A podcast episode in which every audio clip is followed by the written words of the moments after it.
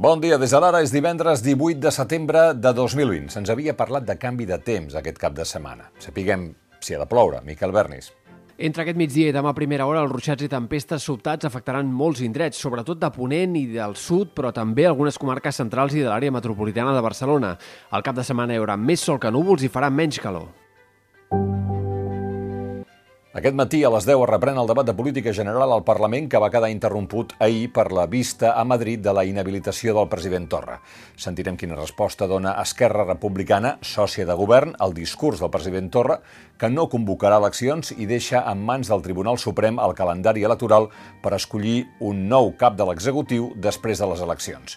Ho va dir ahir en una locució pronunciada des de la delegació de la Generalitat eh, a Madrid en sortir del Tribunal Suprem. Per Torra, la prioritat és la pandèmia. No seré jo qui en aquest moment tan crític del país l'aboqui a una cursa electoral irresponsable que paralitzaria l'administració catalana. L'advocat del president Gonzalo Boye va recordar al tribunal que un membre de Ciutadans, partit que va presentar la denúncia a la Junta Electoral Central per la pancarta, era membre de la Junta Electoral Central i va insistir que Torra hauria d'estar emparat pel dret a la llibertat d'expressió i poder penjar una pancarta amb les tres paraules llibertat presos polítics. La pancarta, las tres palabras, siempre las dijo, están en su discurso de investidura, están en toda su eh, intervención en el Parlamento de Cataluña y después las traslada a una pancarta que es tanto como trasladarlas a un símbolo en la chaqueta que esta propia sala ha dicho que también forma parte del derecho a la libertad de expresión. El Suprem preveu tenir enllestida la sentència d'aquí unes setmanes. A les nostres pàgines, l'Ernesto Ekaizer es pregunta també si el delicte de desobediència a la Junta Electoral Central per negar-se a retirar la pancarta amb el groc no és realment un delicte greu en el context de la campanya electoral, és a dir, si no entraria en la categoria de delictes penals menors castigats amb penes menys severes que altres delictes greus. És a dir, es pregunta Kaiser, no seria necessària una dosi de proporcionalitat? I atenció a aquestes explosives declaracions. L'excompanya sentimental del rei Joan Carles de Borbó, Corina Larsen, ha fet unes declaracions a la revista francesa Paris Match, on hi diu que el rei Joan Carles va ser víctima d'un cop d'estat dins la sarsuela, dirigit per la reina Sofia perquè Joan Carles abdiqués i la corona passés al seu fill Felip. En aquest cop d'estat de Palau també hi hauria participat Mariano Rajoy. Corina afirma que repudiar el rei així és deslleial, tenint en compte que tota la família s'havia beneficiat del tren de vida que el rei Joan Carles els havia assegurat. L'Arsen ha cedit fotos personals a la revista, com aquesta on es veu Joan Carles fent una barbacoa amb un fill de Corina Larsen amb la gorra del revés. Coronavirus. Les quarantenes de 14 dies pels contactes de positius per Covid-19 podrien reduir-se a partir de la setmana que ve. La Generalitat està estudiant deixar-les amb 10 dies. El cap de Salut Pública, el doctor Argimon, també va explicar que la situació de la pandèmia ha millorat a Catalunya, però que els contagis podrien tornar a pujar lleugerament a finals de mes a causa del repunt de la mobilitat, la interacció social i la tornada a les escoles. Amb tot, també va aclarir que la corba dels últims dies ha estat conseqüència dels cribatges massius, massius que s'han fet a barris eh, com el Raval de Barcelona. A Madrid, en canvi, van bastant malament. La comunitat ha demanat auxili a l'Estat per controlar el coronavirus.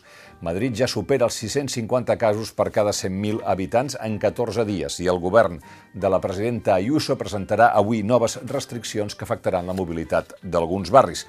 Parlant d'això, mirin aquest mapa d'Espanya, com més fosc, més teletreball. Un estudi de l'empresa Randstad i un altre de Pimec indiquen que Catalunya és la segona comunitat on més es teletreballa després de Madrid. Ho fan de manera habitual al nostre país gairebé 600.000 catalans, és a dir, el 18% de la taxa d'ocupats. Eh, I, per cert, dels 140.000 milions d'euros de la Unió Europea que havien de venir a Espanya per lluitar contra els efectes econòmics de la pandèmia, què? Doncs no arribaran fins a l'estiu del 2021, és a dir, que en tenim encara ben bé per 9 o 10 mesos per burocràcia i perquè els estats han de programar reformes verdes i digitals per rebre els diners. I ahir vam tornar a tenir una escena pertorbadora a Barcelona. Un desnonament fixat ahir al Carmel de Barcelona. La família es va quedar sense el pis on ha viscut els últims tres anys després que els Mossos d'Esquadra carreguessin contra els concentrats que volien evitar que eh, fessin fora la família. Segons fons de l'Ajuntament de Barcelona, el municipi havia negociat des de l'any passat amb la propietària del pis, eh, que sembla que és un membre de la família Pujol Ferrusola. I els esports, el treball firma a firma de vuit plataformes blaugranes va fer possible el que no ho semblava, recollir prou firmes per sol·licitar una moció de censura al president Josep Maria Bartomeu i la seva junta directiva. En calien unes 16.500 i el club va donar ahir per rebudes 20.867 firmes. Ara el Barça té fins a 10 dies per muntar una taula de validació de les signatures, fins a 10 dies més eh, per dir quantes firmes són bones. I si, com sembla, no hi ha problemes, perquè això vol dir que haurien, perquè, perquè no fossin totes eh, suficients, n'haurien d'invalidar el 20%, si no hi ha problemes amb les firmes, se celebrarà una votació per censurar o no Bartomeu. La moció guanyarà eh, eh, si obté els vots favorables dels dos terços dels que van a votar, un 66,6% dels vots dels que van a votar. En aquest cas, Bartomeu i tota la junta directiva eh, quedarien rellevats, es convocarien eleccions al Barça i, mentre no hi hagués cap junta, una comissió gestora es faria càrrec de les decisions del club blaugrana. El directiu Jordi Moix ahir a la nit va fer la curs de rebut.